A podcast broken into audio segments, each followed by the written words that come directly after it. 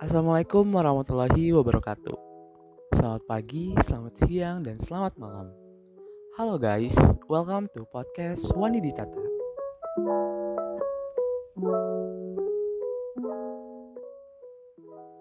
Sebelumnya perkenalan dulu kali ya. Di sini ada saya sendiri, Zidan Isbullah, dan rekan saya Nadika Muhammad Ardiansyah.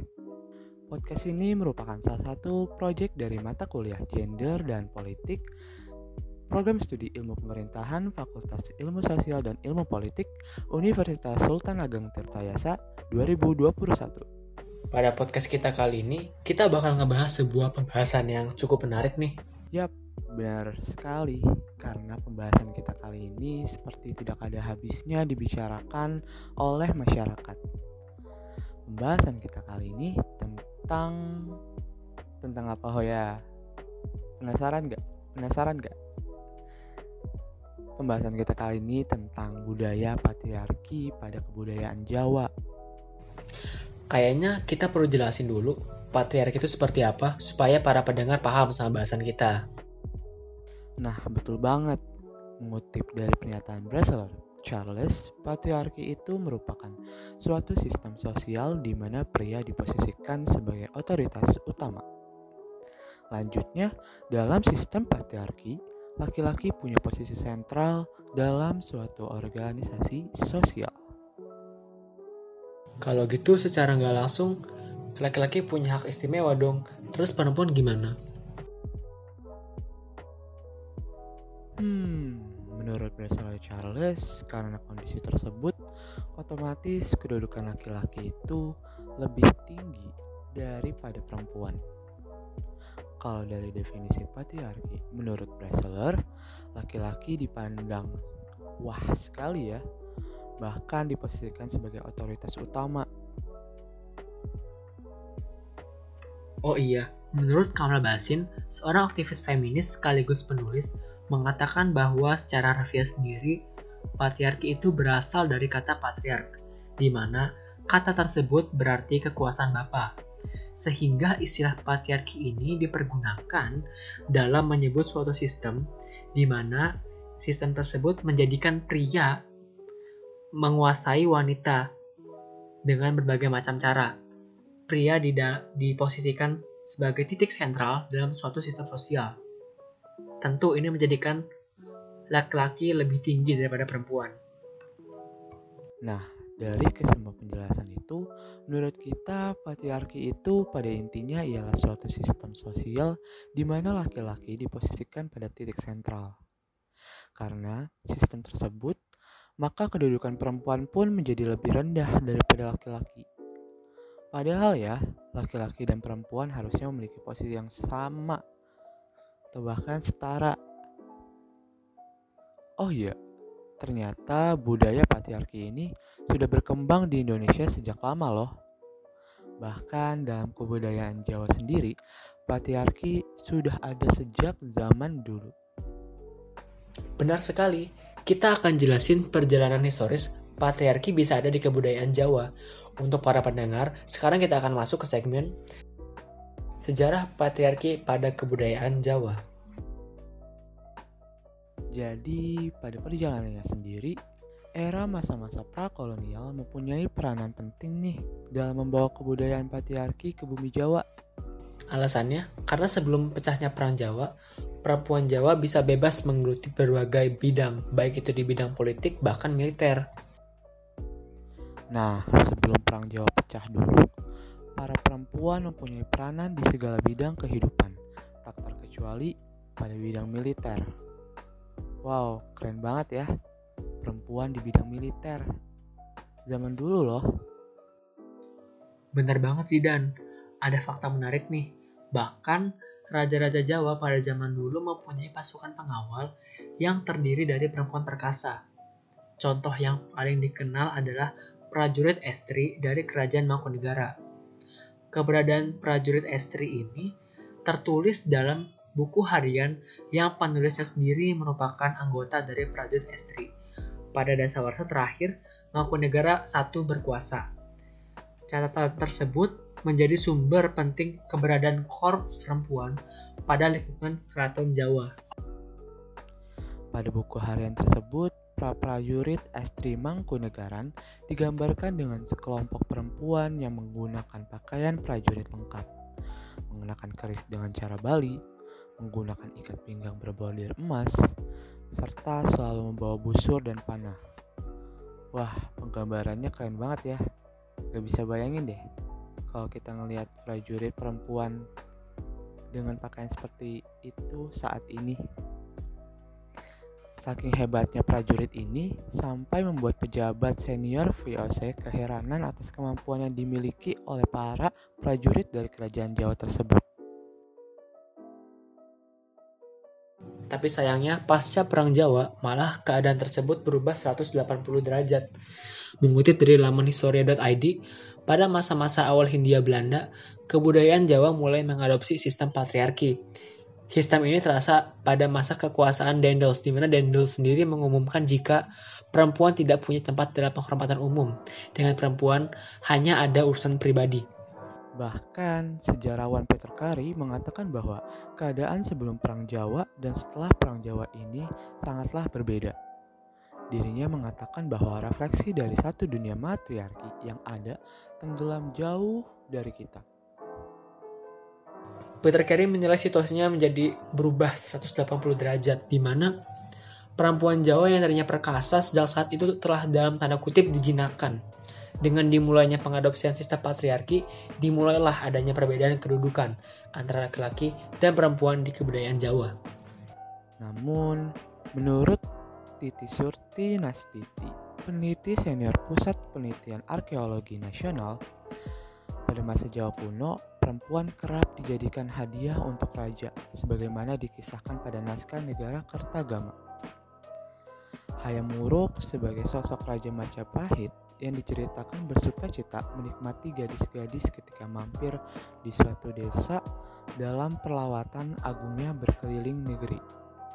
Tapi menurutnya, fenomena tersebut harus dilihat berdasarkan konteks zamannya. Hal semacam ini mungkin pada masa lalu justru memperlihatkan kalau sang raja itu dicintai.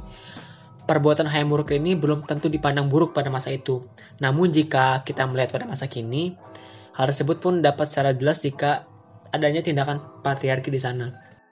Namun ada hal yang unik nih, di mana pada masa Jawa kuno, perempuan bisa berkuasa dalam bidang politik, seperti misalnya Ratu Shima yang berkuasa atas kerajaan Kalingga. Kemudian ada Ratu Dia Subihta, sosok perempuan yang sempat berkuasa di masa-masa akhir kerajaan Majapahit. Balik lagi ke era Hindia Belanda, sistem patriarki yang berkembang ini pada perjalanannya mempengaruhi karya-karya serat Jawa yang isinya mulai memposisikan perempuan sebagai masyarakat kelas 2 setelah laki-laki pada serat paniti sastra misalnya, ditemukan adanya istilah dapur pupur kasur sumur yang menggambarkan peran perempuan pada urusan domestik yang harus dijalani. Setelah mendengar sedikit sejarah tentang budaya patriarki pada kebudayaan Jawa zaman dulu, sekarang kita masuk ke segmen tanya jawab aja yuk. Let's go. Sudah ada empat pertanyaan nih dari teman kita Pertanyaan pertama dari Dita. Bagaimana tanggapan perempuan di KBBI yang masih didefinisikan sebagai orang dalam tanda kutip manusia yang mempunyai puki, dapat menstruasi, hamil, melahirkan anak dan menyusui? Wah, terima kasih Dita atas pertanyaannya. Menurut kami, pendefinisian perempuan yang ditunjukkan pada Kamus Besar Bahasa Indonesia itu merupakan salah satu bentuk diskriminasi terhadap perempuan loh. Mengapa begitu? Hmm, hal tersebut tentu sangat disayangkan bukan? Karena pendefinisian perempuan sangat mengarah kepada pengertian yang negatif. Representasi yang ditunjukkan mengenai perempuan cenderung bersifat misoginis atau suatu pandangan merendahkan dan membenci Pandangan tersebut nantinya akan berdampak kepada kaum perempuan itu sendiri. Namun jika kita melihat definisi laki-laki memiliki makna yang lebih positif. Menurut seorang aktivis perempuan, Ika Fatiani menyampaikan jika secara etimologis, kata perempuan diartikan tuan, ampu, penyokong, puan, pengampu, dan sokong. tetapi hal itu nampaknya berbeda dengan yang tertulis pada KBBI.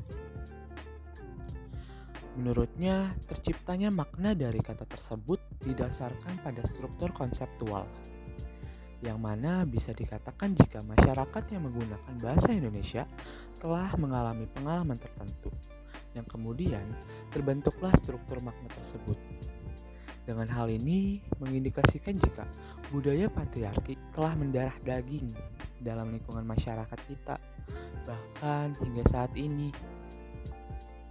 Lanjut ke pertanyaan kedua dari Risma. Pertanyaannya adalah menurut pandangan kalian sebagai kaum laki-laki, sebaiknya wanita itu menata atau ditata? Terima kasih Risma atas pertanyaannya. Kalau menurut kami, walaupun wanita kerap kali ditata oleh laki-laki atau bahkan orang tuanya sendiri, tapi wanita juga berhak menata. Bahkan wanita pun dapat dijadikan mitra yang setara loh, yang tak kalah hebatnya dengan kaum laki-laki. Makanya, wanita jangan pesimis duluan, jangan mau kalah sama laki-laki. Semangat! Selanjutnya pertanyaan ketiga kita terima dari Melinda. Katanya, mengapa budaya patriarki melekat sekali dengan masyarakat Jawa? Kenapa tuh, Dik? Coba dijawab. Baik sih, Dan.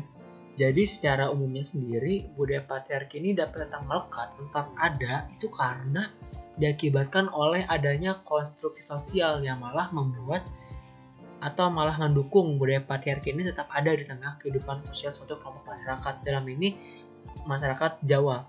Markom sedikit nih dari pembahasan sebelumnya terkait patriarki di Jawa apabila kita tarik mundur ke belakang, nyatanya budaya patriarki di tengah masyarakat Jawa ini muncul pasca Perang Jawa.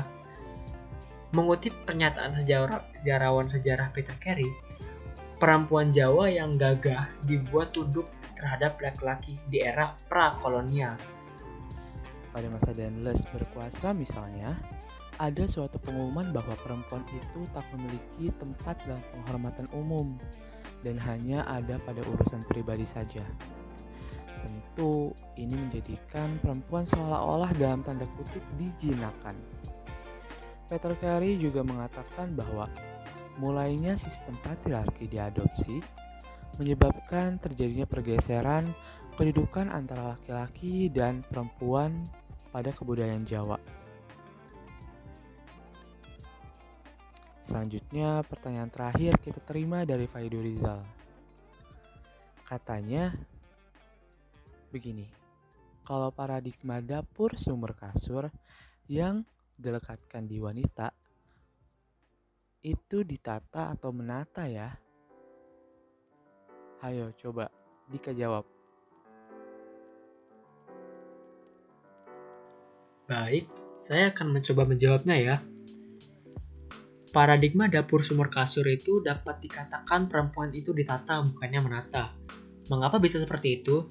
Bisa kita lihat bahwa dapur sumur kasur merupakan urusan ranah domestik dan paradigma dapur sumur kasur melekat pada perempuan dalam kebudayaan Jawa, di mana perempuan Jawa dituntut untuk memahami, meresapi, dan mengamalkan nilai-nilai tersebut.